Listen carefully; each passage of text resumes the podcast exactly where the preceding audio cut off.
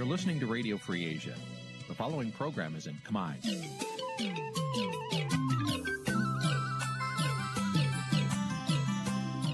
នេះជាកម្មវិធីផ្សាយ Vuthu Azizi Serai នេះជាកម្មវិធីផ្សាយរបស់ Vuthu Azizi Serai ជាភាសាខ្មែរ Vuthu Azizi Serai សូមស្វាគមន៍លោកអ្នកនាងទាំងអស់ពីរដ្ឋធានី Washington នៃសហរដ្ឋអាមេរិក ចាប់ផ្សាយផ្ទាល់ពីរដ្ឋធានី Washington នាងខ្ញុំសុជីវីសូមជម្រាបសួរលោកអ្នកនាងកញ្ញាដែលកំពុងតាមដានការផ្សាយរបស់ Vuthu Azizi Serai ទាំងអស់ជាទីមេត្រីចា៎យើងខ្ញុំសូមជូនកម្មវិធីផ្សាយសម្រាប់យប់ថ្ងៃប្រហ័សចា14រោចខែអាសត់ឆ្នាំឆ្លូវត្រីស័កពុទ្ធសករាជ2565ចាប់ត្រូវនៅថ្ងៃទី4ខែវិច្ឆិកាគ្រិស្តសករាជ2021ចាជាដំបូងនេះសូមអញ្ជើញលោកអ្នកនាងស្ដាប់ព័ត៌មានប្រចាំថ្ងៃដែលមានមេត្តាដូចតទៅគ្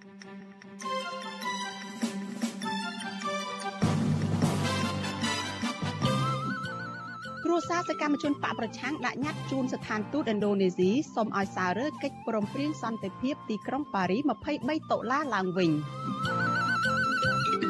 តាច់ញាតជនរងគ្រោះអំពាវនាវឲ្យអាជ្ញាធរខេត្តប្រសិទ្ធហនុអន្តរាគមករណីក្រុមហ៊ុនចិនចាប់បង្ខាំងកម្មករខ្មែរ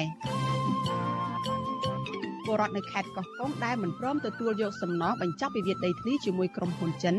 ស្នើសុំក្រសួងដែនដីផ្ដល់ដំណោះស្រាយសារជាថ្មីទៀត សង្គមស៊ីវិលសម្ដែងក្តីព្រួយបារម្ភពីការបន្តប្រើប្រាស់កម្លាំងពលកម្មកុមារនៅក្នុងសិប្បកម្មលអិតរួមនឹងព័ត៌មានផ្សេងៗមួយចំនួនទៀតចាជាបន្តទៅទៀតនេះនាងខ្ញុំសុជីវីសូមជូនព័ត៌មានទៅនេះពុស្ដាចលនានេះជាទីពិត្រីក្រុមគ្រួសាររបស់សកម្មជនគណៈបកប្រឆាំងដែលកំពុងតែជាប់ឃុំបានដាក់ញត្តិជូនស្ថានទូតឥណ្ឌូនេស៊ីនៅថ្ងៃទី4ខែវិច្ឆិកានេះដើម្បីស្នើសុំឲ្យស្ថានទូតជួយអន្តរាគមន៍ទៅរដ្ឋាភិបាលលោកហ៊ុនសែន ឲ្យអនុវត្តតាមកិច្ចព្រមព្រៀងសន្តិភាពទីក្រុងប៉ារី23ខែតុលាឆ្នាំ1991ចាមន្ត្រីនាំពាក្យរដ្ឋាភិបាលចាត់ទុកការដាក់ញត្តិនេះគឺជាការដែលមិនអាចជួយធ្វើអ្វីបាននោះឡើយចាសសូមស្ដាប់សេចក្តីរាយការណ៍របស់លោកសេកបណ្ឌិតអំពីរឿងនេះក្រមស្ត្រីថ្ងៃសុកដែលជាប្រពន្ធកូនរបស់សកម្មជនគណៈបកសង្គ្រោះជាតិប្រមាណ10នាក់បាននាំគ្នាដាក់ញត្តិជូនស្ថានទូតឥណ្ឌូនេស៊ី ដែលជាទូតប្រទេសហត្ថលេខីនៃកិច្ចព្រមព្រៀងសន្តិភាពទីក្រុងប៉ារីដើម្បីស្នើសុំឲ្យជួយសាររើកិច្ចព្រមព្រៀងជាប្រវត្តិសាស្ត្រនេះឲ្យជួយអន្តរាគមន៍ដោះលែងគ្រួសាររបស់ពួកគាត់ឲ្យមានសេរីភាពឡើងវិញនៅមុនពេលចូលដាក់ញត្តិក្រមស្ត្រីថៃសុកក៏បានឈរលើកបដានិងស្រែកតវ៉ាទាមទាររកយុត្តិធម៌មួយសន្ទុះដើម្បីឲ្យលន់លឺដល់ភូមិគ្រឹះរបស់លោកនាយករដ្ឋមន្ត្រីហ៊ុនសែនដែលស្ថិតនៅក្បែរទីនោះ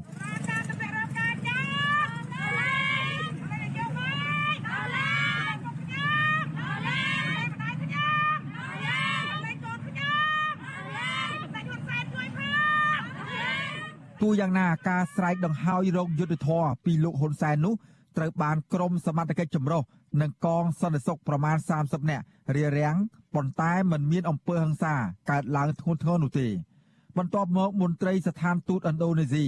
អនុញ្ញាតឲ្យតំណាងស្ត្រីថ្ងៃសុក2នាក់ចូលជួបពិភាក្សានិងដាក់ញត្តិតំណាងស្ត្រីថ្ងៃសុកនិងជាប្រពន្ធសមាជិកគណៈបកសង្គ្រោះជាតិកំពុងជាប់ឃុំលោកសុនធុនគឺលោកស្រីសេងច័ន្ទថនថ្លែងថា មន្ត្រីស្ថានទូតបានទទួលយកញត្តិនិងសន្យាបញ្ជូនញត្តិរបស់ពួកគាត់ទៅដល់ប្រធានាធិបតីឥណ្ឌូនេស៊ីលោកស្រីរំពឹងថាប្រទេសឥណ្ឌូនេស៊ីដែលជាសហប្រធាននិងជាប្រទេសហត្ថលេខីនៃកិច្ចព្រមព្រៀងសន្តិភាពទីក្រុងប៉ារីសដែរនោះនឹងជួយកោះប្រជុំប្រទេសហត្ថលេខីទាំងអស់ដើម្បីជួយដោះស្រាយបញ្ហានៅក្នុងប្រទេសកម្ពុជា ដែលកំពុងបាត់បង់លទ្ធិប្រជាធិបតេយ្យនិងការរំលោភសិទ្ធិមនុស្សធ្ងន់ធ្ងរខាងខ្ញុំក៏ ឡើងវិញនៅ23ដុល្លារហ្នឹងឲ្យមានការជួបពិភាក្សាគ្នាដើម្បីដោះស្រាយបញ្ហាពួកខ្ញុំដែលនៅកម្ពុជាយើងកំពុងតែបាត់បង់សិទ្ធិសេរីភាពហើយខ្ញុំសំណូមពរឲ្យគាត់ជួយធ្វើយ៉ាងណាដើម្បីឲ្យមានការដោះលែងអ្នកទោសស្នេហាជាតិដែលកំពុងតែជាប់ឃុំយ៉ាងអយុត្តិធម៌នេះឲ្យមានការដោះលែងឆាប់ឆាប់ផងចា៎តកតងករណីនេះប្រធានអង្គភិបអ្នកណែនាំពាក្យរដ្ឋាភិបាលលោកផៃស៊ីផានឆ្លើយតបថាកម្ពុជាជាប្រទេសឯករាជ្យ និងមានអធិបតេយ្យភាពព្រមទាំងអនុវត្តទៅតាមរដ្ឋធម្មនុញ្ញរបស់ខ្លួនដូច្នេះគ្មានប្រទេសណាមួយអាចជ្រៀតជ្រែកកិច្ចការរបស់តុលាការបានឡើយចំពោះការរារាំងពីក្រមកម្លាំងសមត្ថកិច្ចមិនឲ្យក្រមស្ត្រីថ្ងៃសុកលើកបដានិងស្រែកតវ៉ានោះវិញលោកបកស្រាយថានេះជាការការពារសន្តិសុខសម្រាប់ធ្នាប់ជូនស្ថានទូតបរទេស ការតវ៉ាន់បាក់ញត្តិហ្នឹងអាហ្នឹងជាទីទិដ្ឋភាពនិងសកម្មភាពនយោបាយតែប៉ុណ្ណោះទេមិនមែនជាសកម្មភាពនៃនីតិរដ្ឋដែលធ្វើតាមដំណើរការតុលាការដំណើរការតុលាការគឺមិនមែនអំពាវនាវឲ្យបរទេសមកសម្រេចក្តីនោះទេគឺរដ្ឋធម្មនុញ្ញរបស់កម្ពុជា បានចែងបង្ហាញច្បាស់ថាតុលាការខ្មែរគឺមានភាពសមត្ថកិច្ចក្នុងការកាត់សេចក្តីក្នុងនាមផលប្រយោជន៍របស់ប្រជាពលរដ្ឋខ្មែរបាទ ទោះយ៉ាងណាក្រមស្ត្រីថ្ងៃសុកអះអាងថា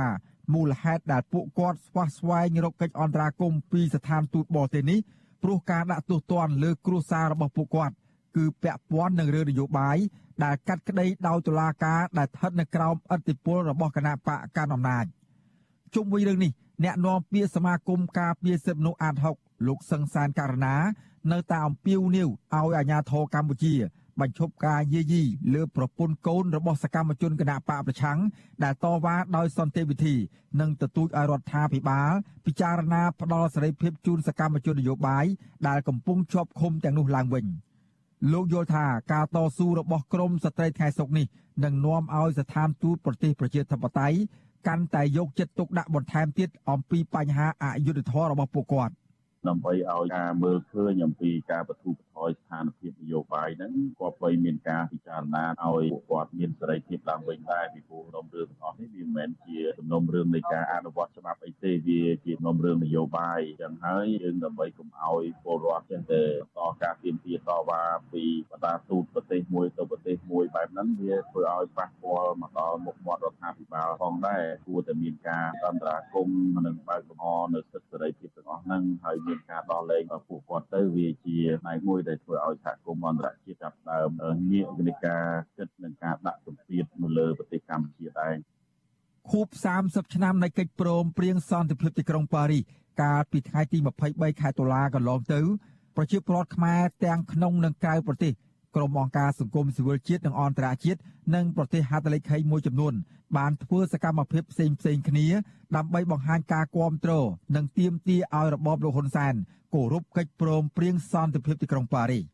ជាពិសេសប្រទេសហត្ថលេខីមួយចំនួន ដូចជាសហរដ្ឋអាមេរិកបារាំងអង់គ្លេសអូស្ត្រាលី និងជប៉ុនជាដើមបានលើកជាចំហថា រដ្ឋាភិបាលលោកហ៊ុនសែនមិនទាន់អនុវត្តតាមកិច្ចព្រមព្រៀងសន្តិភាពទីក្រុងប៉ារីសឲ្យបានពេញលេញនៅឡើយទេហើយចំណុចខ្វះខាតទាំងនោះគួរត្រូវបានពិនិត្យពិចារណាឡើងវិញក្រមប្រទេសប្រជាធិបតេយ្យទាំងនោះបញ្ជាក់ច្បាស់ច្បាស់ទៀតថាពួកគេនៅឈរជាមួយនឹងប្រជាពលរដ្ឋខ្មែរដែលចង់បានការអភិវឌ្ឍការគោរពសិទ្ធិមនុស្សនិងលទ្ធិប្រជាធិបតេយ្យពិតប្រាកដស្របតាមស្មារតីនៃកិច្ចព្រមព្រៀងសន្តិភាពទីក្រុងប៉ារីសខ្ញុំបាទសេកបណ្ឌិត វុទ្ធុអាស៊ីសេរីពីរដ្ឋធានីវ៉ាស៊ីនតោនចាលោកនាងជាទីមេត្រីចាលោកអ្នកកំពុងតែតាមដានការផ្សាយរបស់វិទ្យុអាស៊ីសេរីចាប់ផ្សាយចេញពីរដ្ឋធានី Washington សហរដ្ឋអាមេរិកចាអ្នកធ្វើការងារផ្នែកបរិស្ថានសោកស្ដាយដល់រដ្ឋាភិបាលកម្ពុជាមិនបានចុះហត្ថលេខាលើសេចក្តីថ្លែងការណ៍អំពីការការពារព្រៃឈើនិងការរិចរិលនៅក្នុងដី នៅក្នុងសន្និសីទរបស់អង្គការសហប្រជាជាតិដែលបាន មានប្រទេសរហូតដល់ទៅជិត130បានចូលរួមចុះហត្ថលេខានោះចាលោកនាងនឹងបានស្ដាប់សេចក្តីរាយការណ៍នេះនៅក្នុងការផ្សាយរបស់យើងនៅពេលបន្តិចទៀតនេះ thank you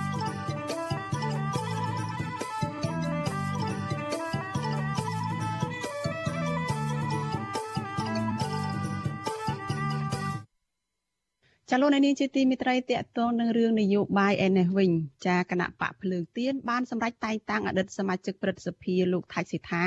និងជាអតីតមន្ត្រីជាន់ខ្ពស់របស់គណៈបកសង្គ្រោះជាតិគឺជាអ្នកនាំពាក្យរបស់គណៈបកនេះភ្លាមភ្លាមក្រោយពីលោកបានដាក់ពាក្យស្នើសុំចូលជាសមាជិករបស់គណៈបកនេះលោកថៃសិដ្ឋាឲ្យវិទ្យុអាស៊ីសេរីដឹងនៅថ្ងៃទី4ខែវិច្ឆិកានេះថាលោកបានវិលមកធ្វើនយោបាយជាមួយនឹងគណៈបកភ្លើងទៀននេះវិញ ដោយសារតែលោកធ្លាប់ជាស្ថាបនិកបង្កើតគណៈបកនេះដែលកាលនោះមានឈ្មោះដើមថាជាគណៈបកជាតិខ្មែរចាលោកថៃសិដ្ឋាឲ្យដឹងថាមូលហេតុដែលលោកវិលមកចូលរួមធ្វើនយោបាយជាមួយនឹងគណៈបកភ្លើងទៀនឡើងវិញនេះដោយសម្លឹងឃើញថាមិនទាន់មានគណៈបកណាមួយដែលអាចដើរតួនាទីជាគណៈបកប្រឆាំងបានពិតប្រាកដនៅឡើយទេចាបើទោះបីជាបែបនេះក្តីលោកថៃសិដ្ឋាអះអាងថាគណៈបកភ្លើងទៀន នៅមិនប្រកាសថានឹងចូលរួមការបោះឆ្នោតឃុំសង្កាត់នៅក្នុងឆ្នាំ2022និងការបោះឆ្នោតជាតិនៅក្នុងឆ្នាំ2023ខាងមុខនោះទេគឺអាស្រ័យទៅលើស្ថានភាពប្រែប្រួលនយោបាយជាក់ស្ដែងយើងរឿងបោះឆ្នោតរឿងអីហ្នឹងមិនយើងមិនទាន់បានសម្រេចចិត្តថាចូលរួមបោះឆ្នោតបោះអីនៅឡើយទេព្រោះយើងត្រូវពិនិត្យទៅមើលស្ថានភាពបរិយាកាសនយោបាយនៅក្នុងប្រទេសរបស់យើងសិនតើការដែលយើងចូលរួមហ្នឹងយើងអាចអឺ ចូលរួមបោះឆ្នោតដោយស្មើភាពដោយសេរីយុត្តិធម៌ដែលធានាបានអឺការបោះឆ្នោតមួយត្រឹមត្រូវដែរឬអត់ហើយបើបរិយាកាសដែលយើងមើលនៅបច្ចុប្បន្ននេះដូចលោកសាកាយាលើកឡើងថាកំពុងតែតានតាំងហ្នឹងយើងនឹងពិបាកនឹងក្នុងការចូលរួមណាដោយសារអីគ្រាន់តែនិយាយឡើង ទៅមានការចាប់ចងចាប់ដាក់គុករួមតាំងប្រព័ន្ធផ្សព្វផ្សាយធ្វើអីក៏មិនបាននិយាយអីក៏មិនកើតឬទៅពិបត្តិញុះញង់រហូតអញ្ចឹងហើយបានយើងវាត្រូវតែពិនិត្យមើលសិនយើងមិនទាន់ថាសម្រេចថាចូលឬក៏មិនចូលទេវាអាស្រ័យទៅលើបរិយាកាសនយោបាយក្នុងបច្ចុប្បន្នរបស់កម្ពុជាយើងនេះបាទចា៎ លោកថៃសេដ្ឋាបន្ថែមថាគណៈបកភ្លើងទៀននឹងធ្វើសមាជនៅថ្ងៃទី27ខែវិច្ឆិកាខាងមុខនេះដើម្បីកែសម្រួលលក្ខន្តិកៈរបស់គណៈបករៀបចំផ្លាស់ប្តូរថ្នាក់ដឹកនាំមួយចំនួននិងកែសម្រួលគោលនយោបាយរបស់គណៈបកនេះជាដើម។គណៈបកជាតិខ្មែរបានបង្កើតកាលពីឆ្នាំ1995ក្រោយមកបានបដូរឈ្មោះទៅជាគណៈបកសំរងស៊ី ហើយចុងក្រោយនេះគឺបានបដូរឈ្មោះមកជាគណៈបកភ្លើងទៀនវិញចាការបដូរឈ្មោះនេះគឺនៅស្របពេលដែលលោកសំរងស៊ីនៅថ្នាក់ដឹកនាំគណៈបកនេះបានរួបរวมជាមួយនឹងគណៈបកសិទ្ធិមនុស្សរបស់លោកកឹមសុខាហើយបង្កើតជាគណៈបកសង្គ្រោះជាតិចាគណៈបកភ្លើងទៀនបច្ចុប្បន្ននេះគឺមានលោកទាវវណ្ណុលគឺជាប្រធាន thank you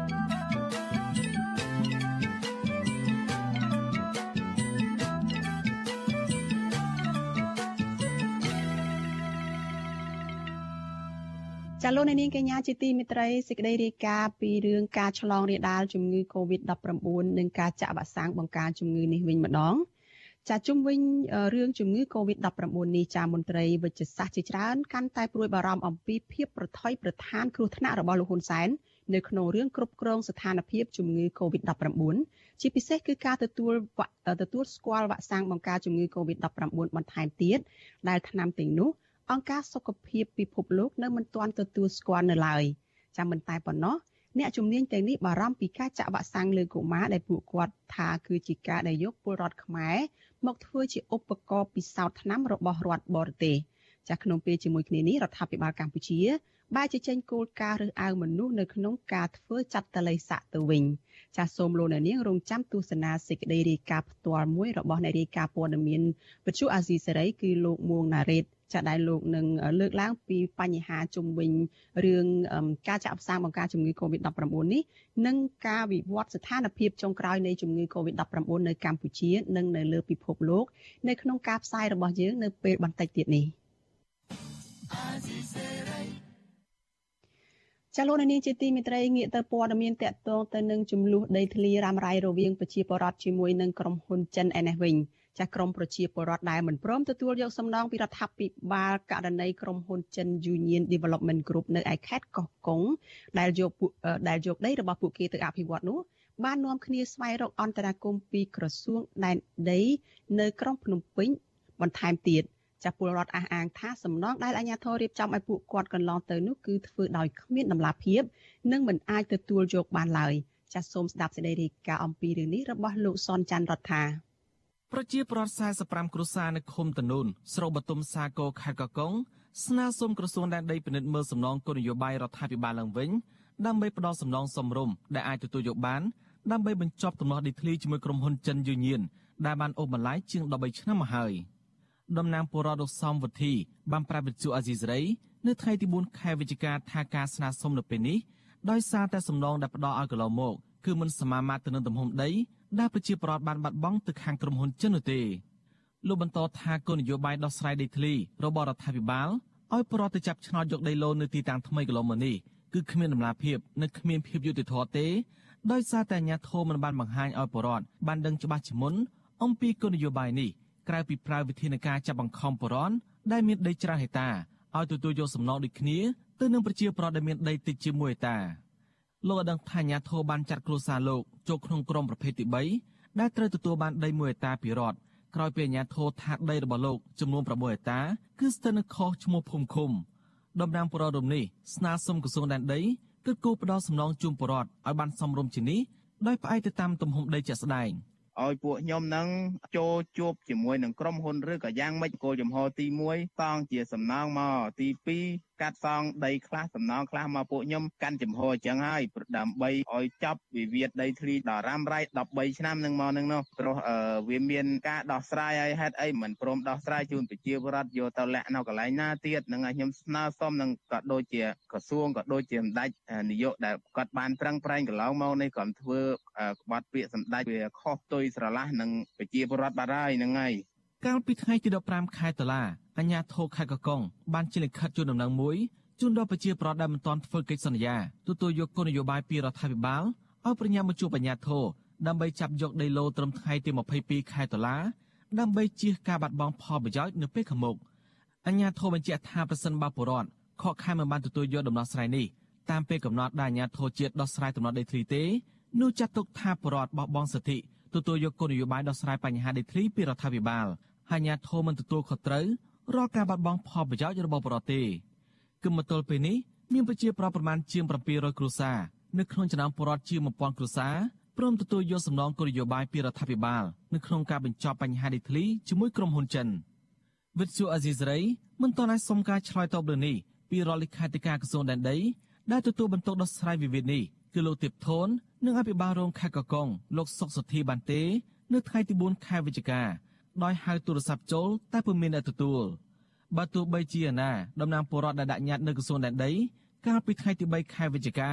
ឲ្យដឹងថាមន្ត្រីដែលទទួលយកញត្តិប្រាប់ថានឹងផ្ដល់ដំណឹងឲ្យពួកគាត់បានដឹងក្នុងរយៈពេលមួយសប្តាហ៍ទៀតជុំវិញរឿងនេះអ្នកសម្របសម្រួលអង្គការលីកាដូប្រចាំខេត្តកកុងលោកហ៊ូអ៊ីនមានប្រសាសន៍ថាការផ្ដល់សំណងគោលនយោបាយដីធ្លីដោយបែងចែកពលរដ្ឋជា3ប្រភេទដោយមិនបានចុះពិនិត្យមើលដីពួកគាត់ជាស្ដែងជាមួយបែបនេះទំនងជាមិនអាចដោះស្រាយបញ្ចប់ទំនាស់នេះបានឡើយ ដោយសារពលរដ្ឋដែលមានដីច្រាយតាមិនសប្បាយចិត្តនឹងទទួលយកសំណងដោយដូចគ្នាបែបនេះ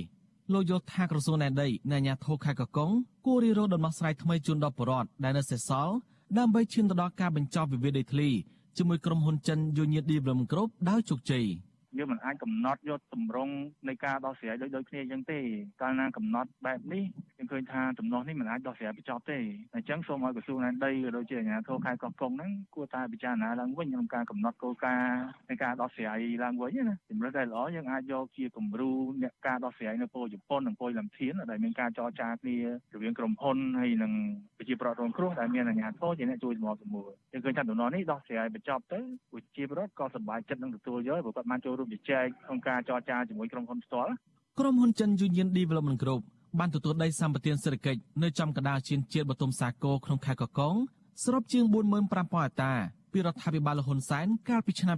2008ដើម្បីសាងសង់ទីក្រុងទេសចរដ៏ធំមួយដែលត្រូវចំណាយទឹកប្រាក់ជិត4000លានដុល្លារគម្រោងអភិវឌ្ឍន៍នេះបានបណ្ដាលឲ្យប្រទេសខ្មែរជាង1300គ្រួសារត្រូវចាក់ចេញពីលំនៅឋានរបស់ពួកគេ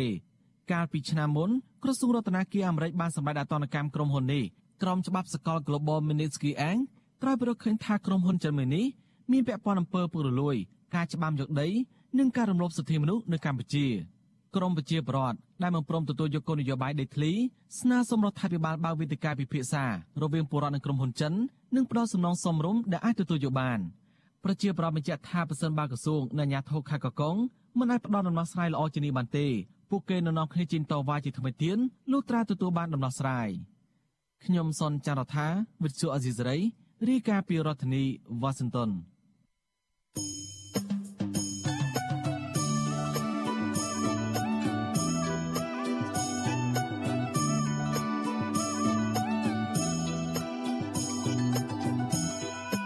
ចាលោកនាងកញ្ញាជាទីមេត្រីចាដំណើរគ្នានឹងការផ្សាយតាមបណ្ដាញសង្គម Facebook និង YouTube នេះចាលោកនាងក៏អាចស្ដាប់ការផ្សាយរបស់វិទ្យុ AZ សេរីចាតាមរយៈវិទ្យុរលកធាតុអាកាសខ្លី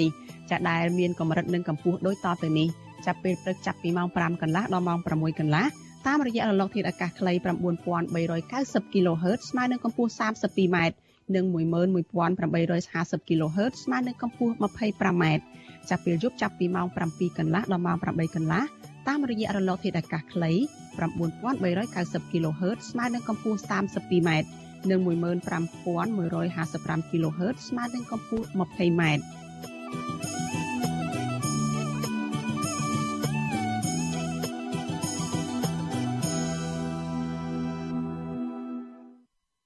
ចាលោកនាងកញ្ញាប្រិយមិត្តជាទីមេត្រីចាសសេចក្តីរាយការណ៍ពីខេត្តព្រះសីហនុឲ្យដឹងថាសាច់ញាតិជនរងគ្រោះអំពាវនាវឲ្យស្នងការដ្ឋាននគរបាលខេត្តព្រះសីហនុ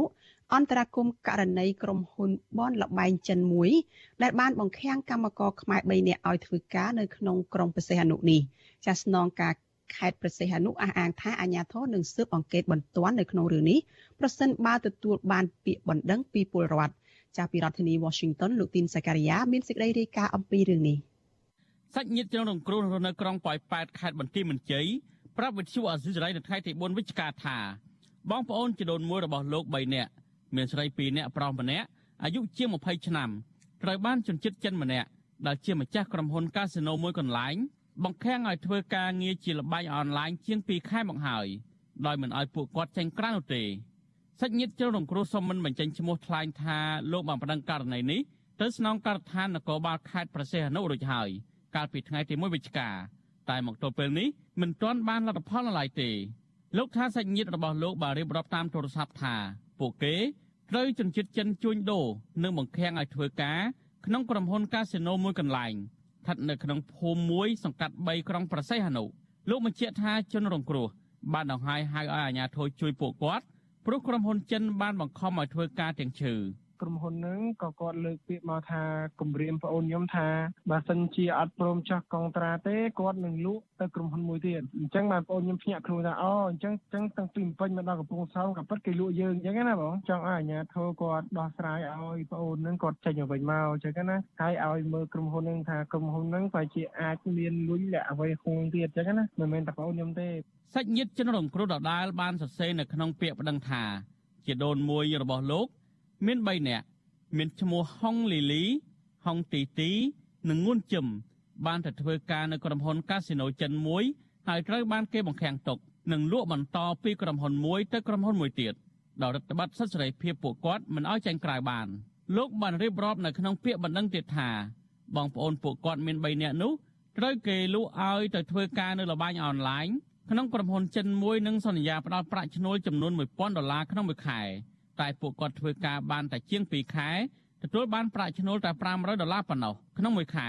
ហើយសុំលាឈប់ពីការងារប៉ុន្តែខាងក្រុមហ៊ុនមិនអនុញ្ញាតឲ្យឡើយដោយបានយកពួកគេទៅឃុំឃាំងនិងបង្ខំឲ្យពួកគេចុះកិច្ចសន្យាធ្វើការងាររយៈពេល1ឆ្នាំទៀតលោកបន្ថែមថាលោកមិនស្គាល់ឈ្មោះក្រុមហ៊ុនកាស៊ីណូនោះទេប៉ុន្តែថាកែកាស៊ីណូនោះត្រូវបានគេស្គាល់ថាឈ្មោះឡុង មានអាយុ35ឆ្នាំជុំវិញនឹងរឿងនេះស្នងការនគរបាលខេត្តប្រសេះនុលោកជួននរិនមានប្រសាសន៍ថាលោកនៅមិនទាន់ទទួលបានពាក្យប្តឹងពីជនរងគ្រោះនៅឡើយទេគិតត្រឹមរសៀលថ្ងៃទី4វិច្ឆិកាលោកสนមពរឲ្យជនរងគ្រោះមកប្តឹងនៅស្នងការដ្ឋាននគរបាលខេត្តដោយផ្ទាល់ដើម្បីឲ្យនគរបាលពិនិត្យមើលអង្គហេតុបើសិនជាពាក់ព័ន្ធនឹងអំពើល្មើសច្បាប់លោកនឹងមានចំណាត់ការភ្លាមភ្លាមៗ គឺខ្ញុំត្រូវមានឯកសារទទួលមិនដឹងទោះតែយ៉ាងណាក៏ដោយត្រូវតែទទួលយប់ក៏ដោយថ្ងៃក៏ដោយហើយយើងនឹងអនុវត្តស្រាវជ្រាវជូនគាត់ទោះពិតមិនពិតរឿងហ្នឹងតែរឿងនេះអត់មានបានមកប្តឹងមកខ្ញុំទេពាក់ព័ន្ធនឹងល្មើសច្បាប់គឺខ្ញុំនឹងចំណាត់ការភ្លាមភ្លាមដោយមិនបង្អង់យូរទេបាទអានេះគឺជាអ្នកបម្រើប្រជាពលរដ្ឋនគរបាលទោះបីជាយ៉ាងនេះក្តីក្រុមគ្រួសារចរងគ្រោះអះអាងថាលោកបានប្តឹងទៅស្នងការដ្ឋាននគរបាលខេត្តប្រសេះអនុរួចហើយកាលពីថ្ងៃទី1វិច្ឆិកា ហើយកំពុងតែរងចាំវិធានការច្បាប់ពីសមត្ថកិច្ចជំវិញនឹងរឿងនេះនាយករងទទួលបន្ទុកផ្នែកឃ្លាំមើលសិទ្ធិមនុស្សនៃអង្គការលីកាដូលោកអំសំអាតបញ្យល់ថាមន្ត្រីនគរបាលយុទ្ធធរមិនអាចចាំតែទទួលពាក្យបណ្ដឹងទើបមានចំណាត់ការនោះទេលោកបញ្យល់ថាពេលសមត្ថកិច្ចទទួលបានព័ត៌មានពីប្រភពណាមួយដែលតាក់ទងនឹងបទល្មើសសមត្ថកិច្ចពាក់ព័ន្ធត្រូវតែចុះស៊ើបអង្កេតដើម្បីអនុវត្តតាមច្បាប់លោកអំសំអាតបន្ថែមថាក្នុងករណីនេះ បើសិនជាមានករណីបង្ខាំងមនុស្សខុសច្បាប់មែនសមត្ថកិច្ចពាក់ព័ន្ធត្រូវតែស៊ើបអង្កេតរកជនល្មើសមកផ្តន្ទាទោសតាមផ្លូវច្បាប់ហើយបើសិនជាជនរងគ្រោះរងគ្រោះដោយសារការបង្ខាំងនិងការជួញដូរអានឹងត្រូវតែរូតរះក្នុងការអនុវត្តនីតិវិធីហើយរំដោះនៅជនរងគ្រោះនឹងបាទរបាយការណ៍របស់ក្រសួងមហាផ្ទៃឲ្យដឹងថាក្នុងរយៈពេល6ខែឆ្នាំ2021នេះរដ្ឋាភិបាលបានបង្ក្រាបករណីជួញដូរមនុស្សបានចំនួន58ករណី កើតឡើងមួយទ្វេជា2បើប្រៀបធៀបទៅនឹងឆ្នាំ2020រីឯរបាយការណ៍វិតម្លៃពីស្ថានភាពជួញដូរមនុស្សជាសកលប្រចាំឆ្នាំ2021របស់ក្រសួងការបរទេសអាមេរិកវិញដែលចេញផ្សាយនៅថ្ងៃទី2ខែកក្កដាកន្លងទៅបង្ហាញថាកម្ពុជាស្ថិតនៅក្នុងលំដាប់ថ្នាក់ទី2នៃបញ្ជីឃ្លាំមើលជាមួយនឹងប្រទេសជាច្រើនទៀតទាក់ទិននឹងការជួញដូរមនុស្សរបាយការណ៍រដារិគុណថារដ្ឋាភិបាលកម្ពុជាមិនបានគោរពឲ្យបានពេញលេញ ក្នុងការលុបបំបាត់ការជួញដូរមនុស្សនោះទេហើយអំពើពុករលួយគឺជាឧបសគ្គរាំងស្ទះដល់ការអនុវត្តច្បាប់ខ្ញុំទីនសាការីយ៉ាអសិសរីប្រធានីវ៉ាស៊ីនតោនចាលោកនាងកញ្ញាជាទីមេត្រីចាលោកនាងកំពុងតែតាមដានការផ្សាយរបស់វិទ្យុអាស៊ីសេរីចាផ្សាយចេញពីរដ្ឋធានី Washington សហរដ្ឋអាមេរិក ចាតកតងនឹងរឿងនេះចាយើងនឹងមានសម្ភារផ្ទាល់មួយចាតកជាមួយនឹងគ្រួសាររបស់ជនរងគ្រោះដែលបានចាញ់បោកគេទៅធ្វើការនៅក្នុងកាស៊ីណូតាមអនឡាញនៅក្នុងខេត្តប្រសេះហនុហើយនឹងក៏សម្ភារជាមួយនឹងមន្ត្រីសង្គមស៊ីវិលចាដែលធ្វើការងារតកតងទៅនឹងសិទ្ធិការងារផងដែរ ហើយអ្នកទាំងពីរនឹងចូលមកផ្ដល់សម្ភារឲ្យកម្មវិធីផ្សាយរបស់វិទ្យុអាស៊ីសេរីយើងនៅយប់នេះចាដោយមានអ្នកស្រីខែសំណងជាអ្នកសម្របសម្រួលចាឥឡូវនេះបានឃើញសំណងចាសូមជួបសំណងបន្តិចហើយតើជំរាបសួរសំណងផងចាចាជំរាបសួរអ្នកស្រីសុជីវីចានាងខ្ញុំសូមជំរាបសួរដល់លោកនាងដែលកំពុងស្ដាប់និងទស្សនាការផ្សាយរបស់វិទ្យុអាស៊ីសេរីទាំងអស់ផងចា ចាសសំណងតើត្រៀមខ្លួនថានឹងជជែករឿងអីខ្លះបន្ថែមទៀតជាមួយនឹងក្រមគ្រួសារជនរងគ្រោះហើយនឹងមន្ត្រីសិទ្ធិការងារអំពីរឿងដែលមានករណីឆបោកឲ្យកម្មករទៅធ្វើការនៅតាមអនឡាញនឹងកាស៊ីណូអនឡាញនឹងចា៎ ចាអ្នកស្រីសូជីវីនៅពេលបន្តិចទៀតនេះដោយអ្នកស្រីបានជំរាបជូនលោកអ្នកស្ដាប់អញ្ចឹងថាយើងនឹងមានភ្ញៀវពីខាងជាសាច់ញាតិរបស់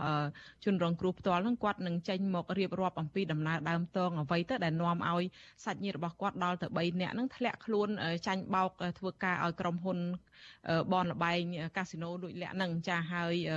មួយទៀតគាត់នឹងនិយាយដែរអំពីរូបភាពនៃការធ្វើបាបនឹងបង្ខំឲ្យធ្វើការទាំងឈឺឬថាឥឡូវនេះហ្នឹងពួកគាត់ក្តៅខ្លួនឈឺកហើយគ្រួសាររបស់គាត់នឹងបានយកថ្នាំទៅឲ្យតាមរយៈសន្តិសុខអីហើយថាតើពួកគាត់នឹងស្ថិតនៅក្នុងស្ថានភាពបែបណាទៅហើយហើយនឹងការបំបត្តិសិទ្ធិសេរីភាពយ៉ាងម៉េចទៅនៅកន្លែងធ្វើការនឹងគាត់ធ្វើការយ៉ាងម៉េចខ្លះចាហើយមួយវិញទៀតនៅខាងផ្នែកខាងសង្គមស៊ីវិលទៅវិញគឺអឺ នាងខ្ញុំនឹងឲ្យគាត់លើកឡើងពិនិត្យមើលលើជ្រុងខាងចំណាត់ការរបស់អាជ្ញាធរទៅវិញអាជ្ញាធរមានសមត្ថកិច្ចនឹងថាតើគាត់នឹងមានចំណាត់ការបែបណាហើយថាតើរដ្ឋាភិបាលនឹងគួរតែមានការទទួលខុសត្រូវបែបណាដែលបដិបដោយបដិបដោយឲ្យមានអាជីវកម្មខុសច្បាប់អីបែបនេះកើតឡើងហើយមានមនុស្សអីច្រើនមានទាំងជនបរទេសអីនៅក្នុងទីកន្លែងឃុំឃាំងនឹងបង្ខាំងមិនឲ្យពួកគាត់ចេញអីទៅទៀតនោះចាសូមលោកនាងរងចាំទស្សនាកិច្ចពិភាក្សារបស់នាងខ្ញុំនៅពេលបន្តិចទៀតនេះចាចាអរគុណច្រើនសំណងចាលោកនាងនឹងបានជួបជាមួយសំណងហើយនឹងភ្ញៀវរបស់យើងទាំងពីររូបនៅពេលបន្តិចទៀតនេះចាជំរាបលាត្រឹមប៉ុណ្ណេះសិនចា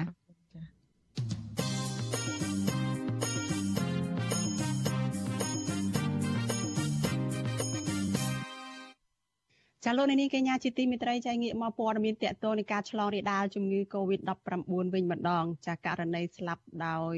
ជំងឺ Covid-19 នៅពេលនេះគឺមានអ្នកដែលស្លាប់ដោយជំងឺ Covid-19 នោះគឺកើនឡើងដល់2800នាក់ហើយគឺក្រោយមកដែលមានអ្នកជំងឺចំនួន6នាក់ទៀតបានស្លាប់ក្នុងនោះគឺមាន3នាក់គឺជាអ្នកដែលមិនបានចាក់វ៉ាក់សាំងបង្ការជំងឺ Covid-19 ទេចាចំណែកករណីឆ្លងថ្មីវិញក្រសួងសុខាភិបាលប្រកាសថាមានចំនួន83នាក់ ដែលជាលទ្ធផលបញ្ជាក់ដោយម៉ាស៊ីនពិសោធន៍ PCR ចាប់ប៉ុន្តែតួលេខនេះមិនបានរាប់បញ្ចូលលទ្ធផលដែលបានពិនិត្យតាមឧបករណ៍តេស្តរហ័សឬក៏ Rapid Test នោះទេចាស់គិតត្រឹមព្រឹកថ្ងៃទី4ខែវិច្ឆិកាកម្ពុជាមានអ្នកកើតជំងឺ Covid-19 ជិត120,000នាក់ក្នុងនោះអ្នកជាសះស្បើយមានជាង110,000នាក់ ក្រសួងសុខាភិបាលប្រកាសថាគិតត្រឹមថ្ងៃទី3ខែវិច្ឆិកាម្សិលមិញនេះរដ្ឋាភិបាលបានចាក់វ៉ាក់សាំងជូនប្រជាពលរដ្ឋដែលគ្រប់អាយុនោះបានប្រមាណ10លាននាក់ហើយសម្រាប់ដូសទី1និងជាង9លាន6សែននាក់សម្រាប់ដូសទី2ចាចំណែកកុមារនិងយុវជនដែលមានអាយុចន្លោះពី6ឆ្នាំទៅដល់17ឆ្នាំវិញក្រសួងបញ្ជាក់ថាបានចាក់វ៉ាក់សាំងនោះបានជាង3លាន7សែននាក់នៅក្នុងចំណោមអ្នកដែលត្រូវចាក់សរុបជិត4លាននាក់ ចាលោកនានីជាទីមេត្រីចាជុំវិញរឿងជំងឺ Covid-19 នេះដែរចាមន្ត្រីវិទ្យាសាស្ត្រជាច្រើនកាន់តែបារម្ភអំពីភាពប្រថុយប្រឋានគ្រោះថ្នាក់របស់លោកហ៊ុនសែននៅក្នុងរឿងគ្រប់គ្រងស្ថានភាពជំងឺ Covid-19 នេះចាជាពិសេសគឺការទទួលស្គាល់វ៉ាក់សាំងបង្ការជំងឺ Covid-19 បន្ថែមទៀតដែលថ្នាំទាំងនោះអង្គការសុខភាពពិភពលោកឬ WHO នៅមិនទាន់ទទួលស្គាល់នៅឡើយទេចាមិនតែប៉ុណ្ណោះអ្នកជំនាញទាំងនេះ បារម្ភអំពីការចាក់វ៉ាក់សាំងទៅលើកុមារដែលពួកគាត់ថាអាចជាការដែលយកកុមារឬក៏ពលរដ្ឋខ្មែរធ្វើជាឧបករណ៍ពិសោធន៍ថ្នាំរបស់បរទេសចានៅក្នុងពេលជាមួយគ្នានេះរដ្ឋាភិបាលកម្ពុជាបានជជែកគោលការណ៍រើសអើងមនុស្សនៅក្នុងការធ្វើចាត់តល័យសាក់ទៅវិញចាលោកអ្នកនាងនៅពេលនេះចាយើងបានភ្ជាប់ទៅលោកមូណារ៉េតដែលជាអ្នករាយការណ៍ពិសេសអ្នករាយការណ៍ព័ត៌មានរបស់វិទ្យុអាស៊ីសេរីចាដែលលោកនៅមកជជែកជុំវិញរឿងនេះពីការវិវត្តចុងក្រោយនិងស្ថានភាព ជំងឺ Covid-19 នៅកម្ពុជាចាអញ្ចឹងសូមជួបលោកមូណារ៉េតចាជំរាបសួរលោកមូណារ៉េតចាបាទជំរាបសួរអ្នកស្រីសុជីវីហើយសូមជម្រាបសួរលោកនាងទាំងអស់ដែលកំពុងតាមដាននិងស្ដាប់នឹងទស្សនាវិទ្យុអស៊ីសេរីជាទីមេត្រីបាទចាលោកមូណារ៉េតតកតងនឹងជំងឺ Covid-19 នឹងថ្នាំបង្ការអីនឹងថាតើចំពោះអត្រាអ្នកជំងឺ Covid-19 ដែលបានចាក់វ៉ាក់សាំងនឹងមានការប្រែប្រួលអីយ៉ាងម៉េចនៅក្នុងរយៈពេលមួយសប្តាហ៍នេះចា៎ អរគុណអ្នកស្រីសុជីវីដោយអ្នកស្រីសុជីវីបានរៀបរាប់ត្រួសត្រាសខាងដើមហើយពីរឿងការចាក់វ៉ាក់សាំងនិងស្ថានភាពកូវីដទូទៅនោះក៏ប៉ុន្តែយើងដឹងថាការដែលចំនួននៃអ្នកដែលឆ្លងជំងឺ Covid-19 នៅប្រទេសកម្ពុជាតួលេខដែលក្រសួងសុខាភិបាលបានប្រកាសនៅក្នុងខែតុលាកន្លងទៅបើប្រៀបធៀបទៅនៅខែកញ្ញានោះយើងឃើញថានៅក្នុងខែតុលាហ្នឹង គឺថយចុះច្រើនមែនតើគឺថយនៅនៅត្រឹម5871នាក់ឯនៅក្នុងមួយខែពេញដែលចំនួននេះគឺស្មើនឹងប្រហែលជា195នាក់អីចឹងឯងជាមធ្យមបើប្រៀបធៀបទៅនឹងខែណែកញ្ញាវិញនោះគឺមានដល់ទៅជិត20000នាក់បានន័យថាម្នាក់មួយថ្ងៃមានដល់ទៅ650នាក់អាគ្រាន់តែថាអ្នកស្លាប់វិញខែកញ្ញាស្លាប់416នាក់ដែលគិតជាមធ្យម14នាក់មួយថ្ងៃ ប៉ុន្តែដល់មកដល់ខែតុលានៅពេលដែលវ៉ាក់សាំងចាក់សន្ធាប់ហើយនោះជិតអស់នោះបែរទៅជាស្លាប់15នាក់នៅក្នុងមួយថ្ងៃហើយអត្រានៃការអ្នកស្លាប់នឹងទៅទៀតវាគួរឲ្យប្លែកដែរដោយសារតែអ្នកដែលចាក់វ៉ាក់សាំងរួចហើយស្លាប់នឹងមានអត្រាខ្ពស់ខ្ពស់ហ្នឹងគឺយើងដូចឃើញថ្ងៃនេះចឹង6នាក់3 3 3ស្មើបានតែចាក់វ៉ាក់សាំងបានរួច3នាក់និងមិនទាន់ចាក់វ៉ាក់សាំង3នាក់ដែលដែលស្លាប់ហ្នឹងដូច្នេះវាស្មើនឹង50%បើចឹងមធ្យមភាពនេះបើគិតជារួមទៅ គឺមានប្រហែលជា30%ជាងឯណោះនៅក្នុងចំណោមអ្នកសាក់ ស្លាប់ហ្នឹងដែលបានចាក់វ៉ាក់សាំងរួចរឿងនេះគឺជារឿងកង្វល់មួយដែរលោកហ៊ុនសែនក៏ទទួលស្គាល់ដែរអ្នកស្រីសុជីវីដែលថាកម្ពុជាមានភាពខ្សោយនៅក្នុងការការព្យាបាលហ្នឹងបានជាមនុស្សស្លាប់ច្រើនជាងវិស័យសុខាភិបាលហ្នឹងក៏មានចំណុចខ្សោយនេះជាលើកទី1ហើយដែលលោកហ៊ុនសែនទទួលស្គាល់ខ្លួនឯងមិនដឹងថាហេតុអីបានជាលោកថ្លែងទទួលស្គាល់បែបនេះទេប៉ុន្តែនៅក្នុងពេលជាមួយគ្នាហ្នឹងគឺយើងប្រៀបធៀបទៅនឹងតួលេខអ្នកស្លាប់នៅកម្ពុជានៅលើពិភពលោកយើងដឹងហើយយើងស្លាប់ ច្រើនជាងគិតជាមធ្យមភាគគឺយើងមានរហូតដល់ទៅអ្នកដែលកើតជាងមួយសែនអ្នកហ្នឹងអ្នកស្លាប់ដល់ទៅជាង2000អ្នកទៅបើគិតទៅជាង2%បើនៅប្រទេសក្រៅគឺគេស្លាប់ច្រើនមែនតែប្រជាពលរដ្ឋគេដែលឈឺហ្នឹងវាប្រជាពលរដ្ឋឈឺច្រើនហ្នឹងក៏ប៉ុន្តែដល់វាងបូកទៅប្រជាពលរដ្ឋច្រើនទំហំហ្នឹងបើចែកគ្នាទៅគាត់នៅត្រឹម ក្រោម2%អញ្ចឹងយើងនឹងវាលើសលុបលើសគេហើយតែយ៉ាងណាឃើញរដ្ឋាភិបាលខ្នះខ្នាយរកទិញថ្នាំយកមកព្យាបាលដែរទៅថ្មីថ្មីនេះឃើញកំងទិញឬក៏អនុញ្ញាតឲ្យប្រើថ្នាំគ្រាប់ព្យាបាលជំងឺ Covid-19 ពីប្រទេសឥណ្ឌាហើយនឹងគ្រោងទិញថ្នាំពីអាមេរិកផងបាទចា មកដល់ពេលនេះបើយើងរាប់ពីថ្ងៃទី1ខែវិច្ឆិកាហ្នឹងគឺបានពី3ថ្ងៃហើយដែលរដ្ឋាភិបាលប្រកាសថាបើកប្រទេសឡើងវិញចាបើកទាំងស្រុងតែម្ដងបើកគ្រប់វិស័យទាំងអស់ហ្នឹងតើយ៉ាងម៉េចទៅស្ថានភាពមានការដែលសង្កេតឃើញយ៉ាងម៉េចខ្លះចាលោកមូណារ៉េតអំពីរឿងនេះចំណុចនេះសំខាន់ណាស់ព្រោះរដ្ឋាភិបាលបើកពេញទំហឹងនេះគឺនៅក្នុងស្រុកគឺបើកទាំង Beer Garden អីឡើងវិញហើយគឺលែងរដ្ឋបတ်ហើយទេសចរគឺចាក់វ៉ាក់សាំង សំទោសទេសចរវ៉ាក់សាំងហ្នឹងគ្រូនឹងបើកចុងខែនោះទេពីថ្ងៃ30ខែវិច្ឆិកាទៅថាមកលេងស្រុកខ្មែរ5ថ្ងៃ នៅបើកពីនៅកំពង់សោមមុនគេហើយក្រោយមកធ្វើនៅតារាសាគរខេត្តកោះកុងហ្នឹងភ្ញៀវមកលេងនៅតំបន់ទេសចរមួយចំនួនហ្នឹងគឺអត់ចាំបាច់ធ្វើចតាល័យសាក់អីគឺឲ្យមកដើរលេង5ថ្ងៃដោយសេរីតែម្ដងក៏ប៉ុន្តែក៏មានគោលការណ៍ផ្សេងទៀតនៅក្នុងការបើកប្រទេសឲ្យប្រទេសប្រជាពលរដ្ឋពីខាងក្រៅភ្ញៀវពីខាងក្រៅមកហ្នឹងគឺមានលក្ខខណ្ឌដូចជាចតាល័យសាក់អ្នកខ្លះមិនបាច់ធ្វើអ្នកខ្លះធ្វើ3ថ្ងៃអ្នកខ្លះធ្វើ7ថ្ងៃ អ្នកអត់ចាប់អាសាំងធ្វើ14ថ្ងៃអីអញ្ចឹងនេះហើយគឺជាគោលការណ៍ថ្មីដែលប្លែកដែរអ្នកស្រីសុជីវីចាហេតុម៉េចបានជារដ្ឋាភិបាលឬក៏លោកយមត្រែនសែននឹងសម្រេចថាមានអ្នកដែលធ្វើចាត់តលិស័កចំនួនថ្ងៃផ្សេងផ្សេងគ្នាមាន3ថ្ងៃមាន7ថ្ងៃមានអីចឹងតើគាត់ឈរលើមូលដ្ឋានអីខ្លះនៅក្នុងការសម្រេចបែបនេះចា៎បាទសំណួរនេះសំខាន់ណាស់ជាទូទៅលោកនាយករដ្ឋមន្ត្រីហ៊ុនសែនបានងារជាបរិសង្ហាដើរបញ្ច្រាស់ទិស ដូច្នេះគោលការណ៍នៅក្នុងការដែលផ្ដាច់ផ្អែកទៅលើការដែលអនុវត្តគោលការណ៍ចតាលេខស័កហ្នឹងក៏មិនប្លែកពីងារនោះដែរយើងឃើញហើយគឺអ្នកវិទ្យាសាស្ត្រនៅលើពិភពលោកទាំង សតការីខ្មែរទាំងអនុវិជ្ជាបណ្ឌិតនៅខ្មែរនៅអាមេរិកអូស្ត្រាលីអីចឹងពួកគាត់បារម្ភមែនតើគឺគាត់បារម្ភហ្នឹងត្រង់ថាគោលការណ៍ចតាល័យស័កវាអត់ដែលមាននៅស្រុកណាដែលគេធ្វើអ្នកនេះត្រូវធ្វើប៉ុណ្ណេះអ្នកនេះត្រូវធ្វើប៉ុណ្ណោះហើយបើថាចាក់វ៉ាក់សាំងហើយបើអត់ធ្វើអត់ធ្វើទាំងអស់គ្នាបើថាចាក់វ៉ាក់សាំងហើយមិនចាក់វ៉ាក់សាំងឬក៏យ៉ាងណានិយាយទៅគោលការណ៍ហ្នឹងគឺត្រូវតែ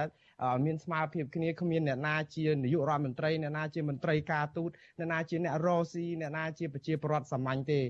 លោកលឹមសួរដែលជាអសតការីខ្មែរនៅប្រទេសអូស្ត្រាលីលោកថាអត់ត្រូវទាល់តែសោះដែលធ្វើបែបនេះដែលបែងចែកបែបនេះលោកភ្ញាក់ផ្អើលដែរលោកថានៅអូស្ត្រាលីសូម្បីតែនាយករដ្ឋមន្ត្រីអូស្ត្រាលីដែលទៅធ្វើទស្សនកិច្ចនៅក្រៅប្រទេសប្រហែលខែមុនមកវិញតម្រូវឲ្យធ្វើចតាលេខស័ក14ថ្ងៃដែររួចទៅមានចាក់វ៉ាក់សាំងមានអីគ្រប់គ្រាន់អីចឹងដែរនេះគឺបើតាមលោកថាការស្រាវជ្រាវវិទ្យាសាស្ត្រហ្នឹងគឺភ្ញៀវបរទេសក៏ជាមនុស្ស អញ្ចឹង COVID-19 នេះវាអត់ត្រូវការរើសអើងបែបហ្នឹងថាថានេះត្រូវធ្វើប៉ុណ្ណេះនេះធ្វើធ្វើប៉ុណ្ណោះទេហើយបើលោកឆាន់ទូចវិញដែលជាអនុវិជ្ជាបណ្ឌិតនៅទីក្រុង Lowell រដ្ឋ Massachusetts ឯនោះវិញ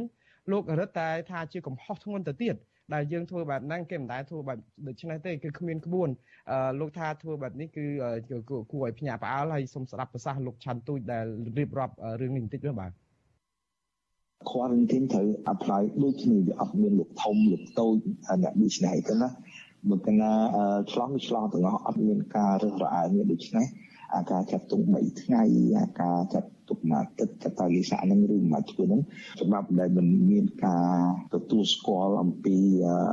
ស្ថាប័នធំធំជាពិសេស WHO អញ្ចឹងហើយ CDC អញ្ចឹងអត់បានទេ ការអនុវត្តបែបនេះខុសឆ្គងជាងហ្មងណានេះយកជីវិតមកការធ្វើបែបហ្នឹងអាចនាំឲ្យគ្រោះថ្នាក់កាន់តែធំមកដូចតាំងពីអាដំបូងការ COVID-19 ពីដំបូងអញ្ចឹង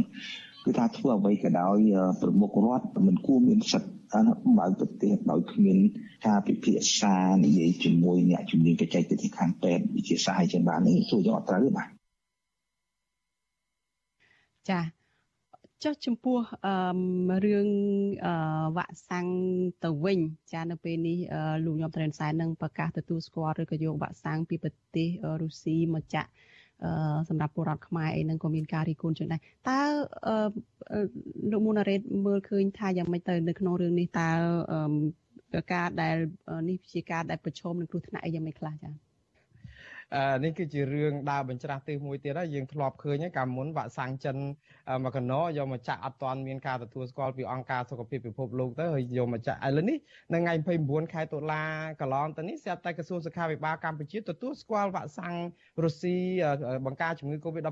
ដល់ទៅ5មុខអីណោះវ៉ាក់សាំងរុស្ស៊ីទាំង5មុខនេះនៅក្នុងចំណោមវ៉ាក់សាំងដែលអង្គការសុខភាពពិភពលោកទទួលស្គាល់ទាំង7មុខអត់មានវ៉ាក់សាំងរុស្ស៊ីមួយមុខសោះ មានស្ពុតនិក5នឹងមួយដែរដែលរាល់ដងនឹងធ្លាប់ផ្លោះលបង ដើម្បីធ្វើចូលដល់ដំណាក់កាលយកមកឲ្យប្រើដោយឆ្លងអាតេស្តលើកទី3នឹងអត់ព្រមធ្វើតេស្តលើវិទ្យាសាស្ត្រអីត្រឹមត្រូវនឹងគេរិះគន់ទៅ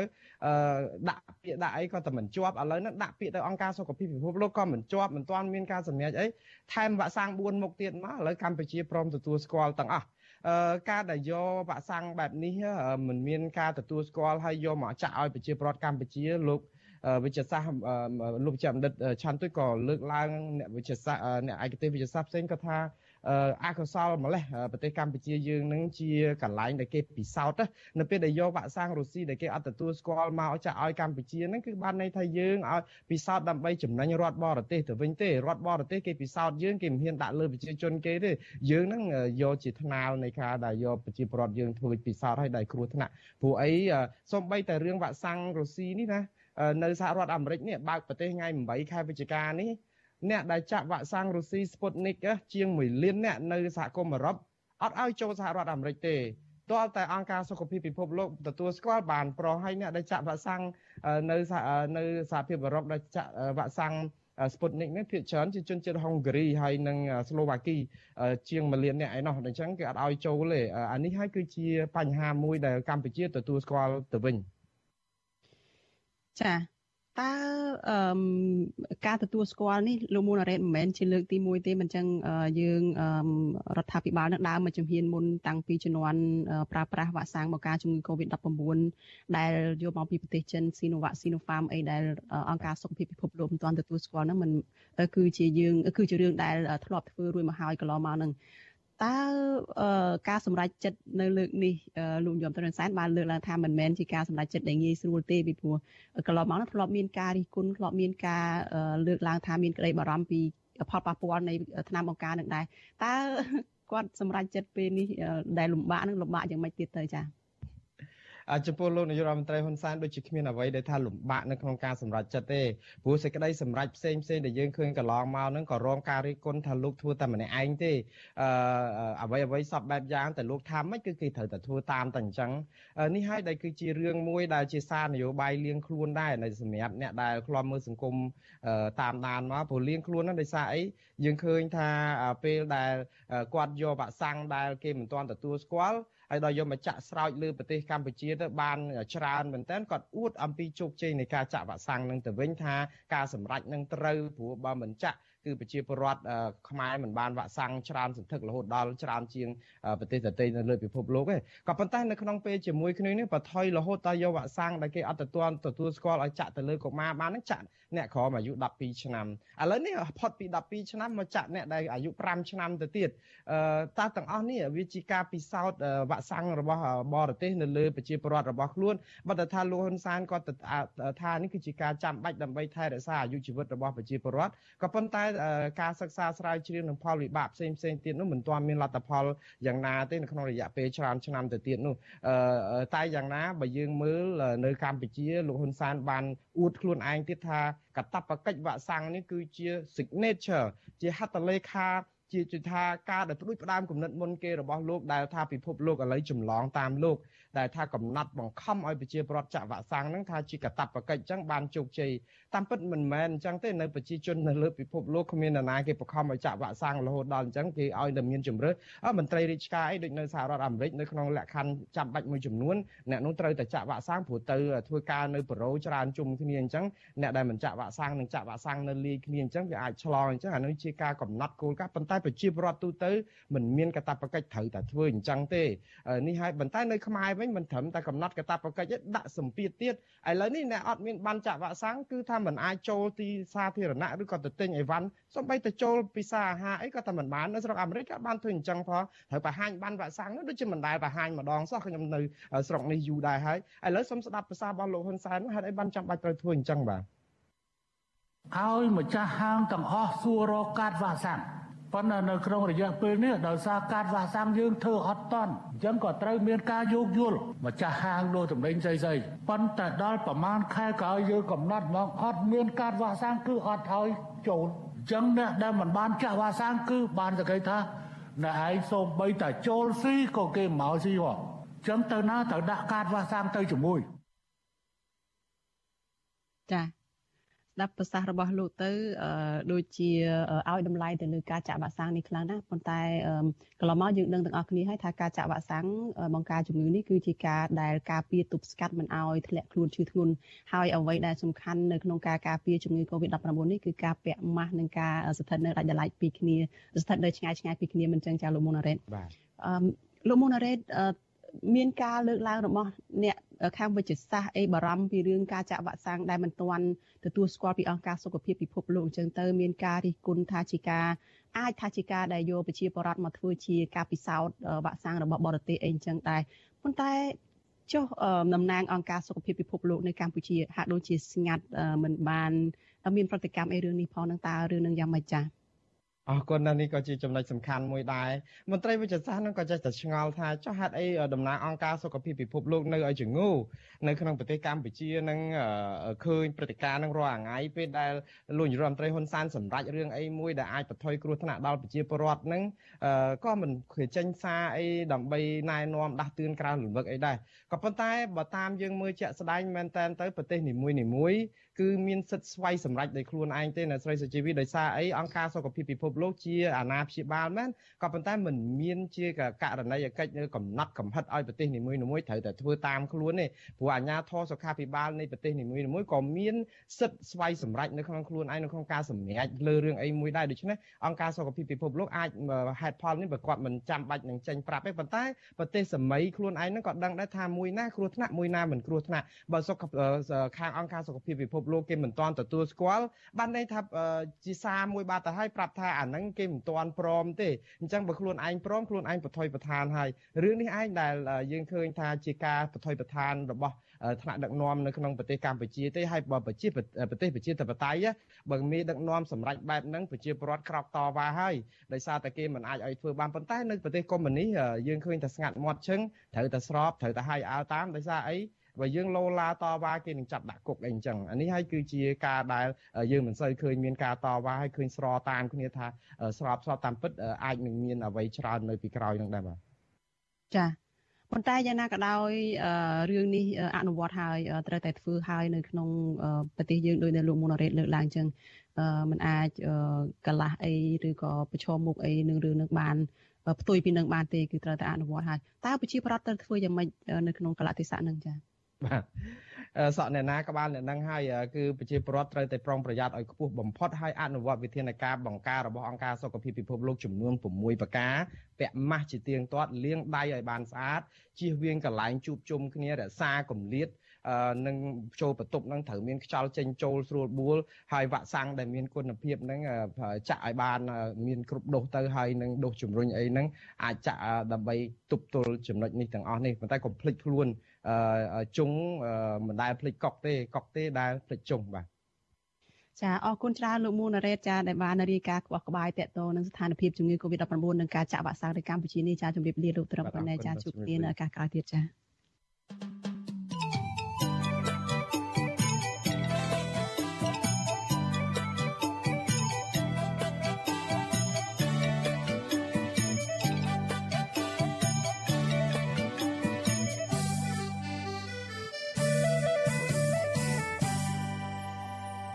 ចាលោកនាងកញ្ញាជាទីមេត្រីតកតងនឹងសកម្មជនគណៈបកប្រឆាំងឯនេះវិញចាកូនប្រុសរបស់សកម្មជនគណៈបកប្រឆាំងម្នាក់ដែលមានជំងឺស្ងាត់ខ្សោយបញ្ញាស្មារតីឬយើងហៅថាជំងឺអូទីសឹម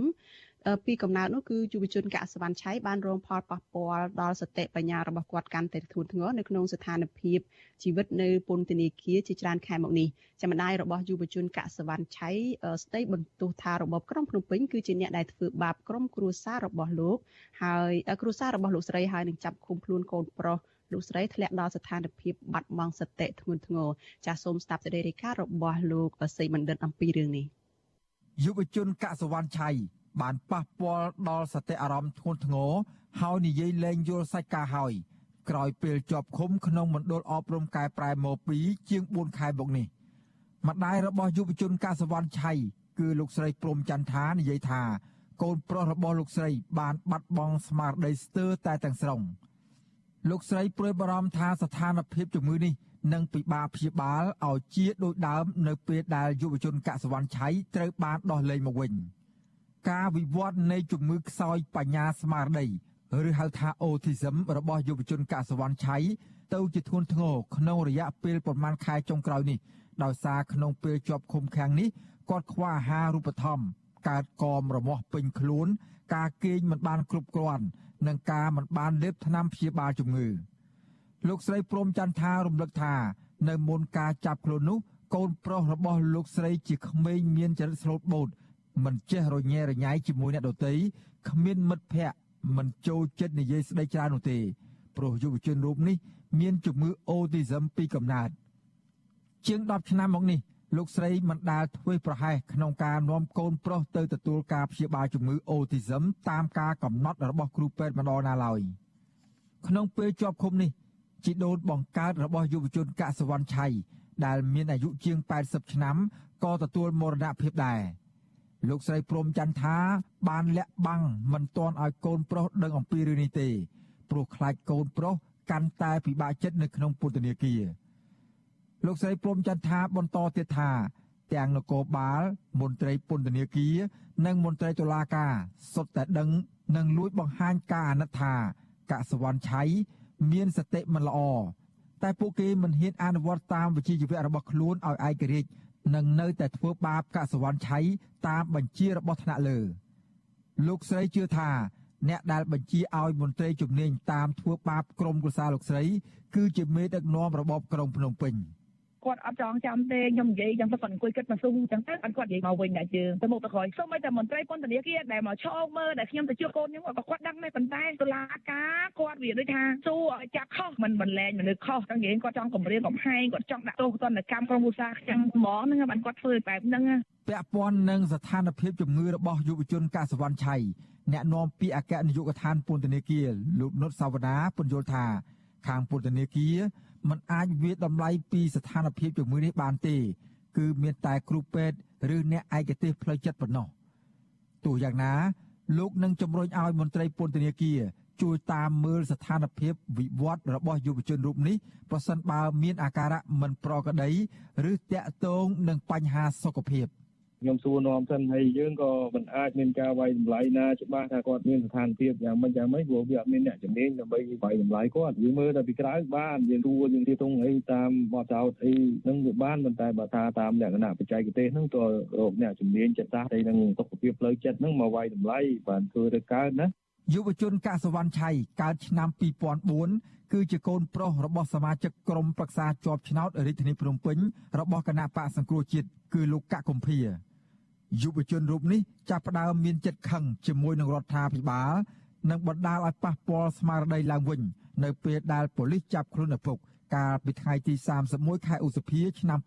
2020ពីបទផ្ដើមគំនិតក្នុងអំពើប្រមាថនិងញុះញង់ឲ្យប្រព្រឹត្តបទឧក្រិដ្ឋជាអាតនៅពេលគិតដល់ការចាប់ខ្លួនឪពុកម្ដងម្ដងយុវជនរូបនេះតែងតែបញ្ចេញអារម្មណ៍ខឹងសម្បាមិននិយាយស្ដីរកគេឯងហើយនៅពេលខ្លះ គាត់យកក្បាលទៅបោកផ្ទប់នឹងជញ្ជាំងឬទៅដាល់ដុំឥដ្ឋដើម្បីបញ្ចេញកំហឹងយុវជនកសវណ្ណឆៃក៏តែងតែចេញតវ៉ាជាមួយម្ដាយនិងក្រុមស្ត្រីថ្ងៃសុខដើម្បីទាមទារឲ្យតុលាការនិងរដ្ឋាភិបាលដោះលែងហើយទម្លាក់បទចោទប្រកាន់លើឪពុករបស់ខ្លួនដែរ កាលពីឆ្នាំ2020យុវជនកសវណ្ណឆៃធ្លាប់ត្រូវបាននគរបាលប៉ុស្តិ៍ចាក់អង្រែលើខណ្ឌមានជ័យចាប់ឃុំខ្លួនក្នុងប៉ុស្តិ៍ប៉ូលីសចំនួន2យប់2ថ្ងៃម្ដងរួចមកហើយគឺនៅខែតុលាឆ្នាំ2020ប៉ូលីសបានចោទថាយុវជនកសវណ្ណឆៃចូលក្នុងទីហាមឃាត់គឺបរិវេណទីស្នាក់ការគណៈបកសង្គ្រោះជាតិ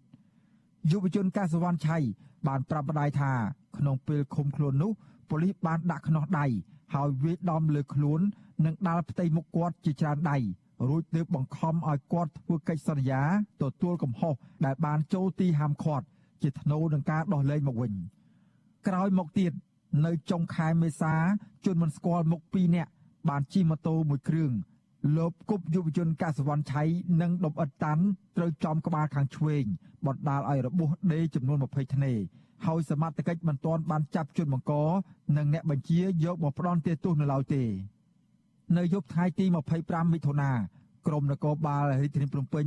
បានសម្រុកចូលចាប់យុវជនកសវណ្ណឆៃដល់ក្នុងផ្ទះដោយចោទប្រកាន់ពីបទញុះញង់បង្កឲ្យមានភាពវឹកវរធ្ងន់ធ្ងរដល់សន្តិសុខសង្គមនិងបទជេរប្រមាថថ្នាក់ដឹកនាំរដ្ឋាភិបាលតាមបណ្ដាញសង្គម Telegram និងត្រូវបានតុលាការចាប់ឃុំខ្លួនដល់សប្តាហ៍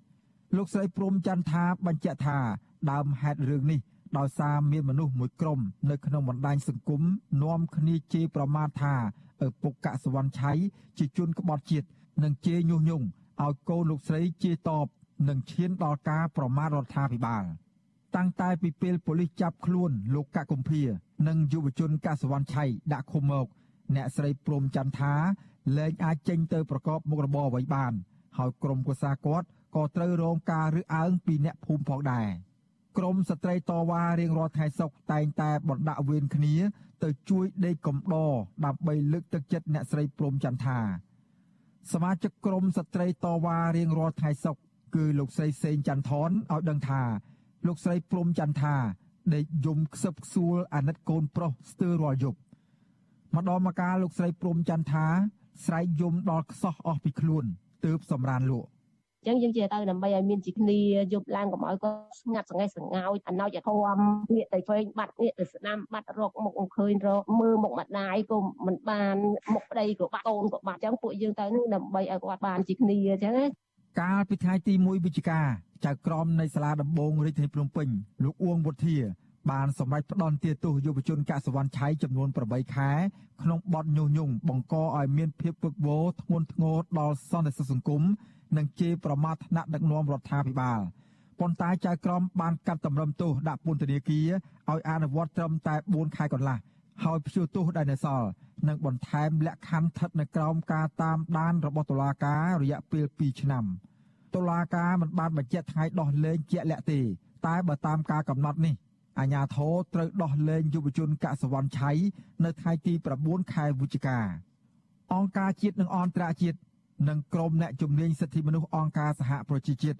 បានរិះគន់សារក្រមនេះថាជាការកាត់ក្តីបែបនយោបាយដើម្បីបង្ក្រាបសម្លេងរិះគន់ក្រុមអ្នកជំនាញឯករាជ្យរបស់អង្គការសហប្រជាជាតិ3រូបគឺអ្នករាយការណ៍ពិសេសទទួលបន្ទុកផ្នែកសិទ្ធិមនុស្សនៅកម្ពុជា លោកវិទិតមុនតបនអ្នករាយការណ៍ពិសេសស្ដីពីការលើកកម្ពស់និងការការពារសិទ្ធិនៃសេរីភាពបញ្ចេញមតិអ្នកស្រីអៃរិនខាន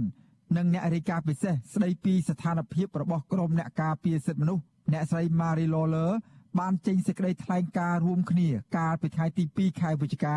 បង្ហាញការសោកស្ដាយនិងរិះគន់ការកាត់ទោសអនិច្ចជនកសវណ្ណឆៃនិងជាក្មេងមានជំងឺខ្សោយសតិបញ្ញាឲ្យមានទោសពួកគេអំពាវនាវឲ្យរដ្ឋាភិបាលកម្ពុជា បង្ហាញឆន្ទៈការពារសេរីភាពបញ្ចេញមតិឡើងវិញ អ្នកនាំពាក្យសមាគមការពារសិទ្ធិមនុស្សអាត6លោកសឹងសានករណាឲ្យដឹងថាតាំងពីដំបូងមក គឺក្រុមអង្គការជាតិនិងអន្តរជាតិតែងតែជំទាស់នឹងការចាប់ខ្លួនយុវជនកសវណ្ណឆៃអ្នកឃ្លាំមើលសិទ្ធិមនុស្សរូបនេះយល់ថាការចាប់ខ្លួននេះបានជះឥទ្ធិពលអាក្រក់ដល់អនាគតរបស់យុវជនកសវណ្ណឆៃនិងជះឥទ្ធិពលមិនល្អដល់កេរ្តិ៍ឈ្មោះរដ្ឋាភិបាលថែមទៀត ករណីនេះវាជាករណីធ្វើទុកមុខមិនដេញទៅលើគ្រួសារនៃសកម្មជននយោបាយជាងការអនុវត្តច្បាប់ណាបើសិនជាគោលគោលការអនុវត្តច្បាប់មិនគប្បីមានការចាត់វិធានការទៅលើកុមារកសវណ្ណឆៃដែលមានការក្រោយបញ្ញាស្មារតីបែបហ្នឹងទេគួរតែមានការដោះលែងតាំងពីដំបូងឡើយមកម្លេះអ្នកស្រីព្រំច័ន្ទថាជាម្ដាយរបស់យុវជនកសវណ្ណឆៃក៏មិនពេញចិត្តនឹងសាលក្រមនេះដែរ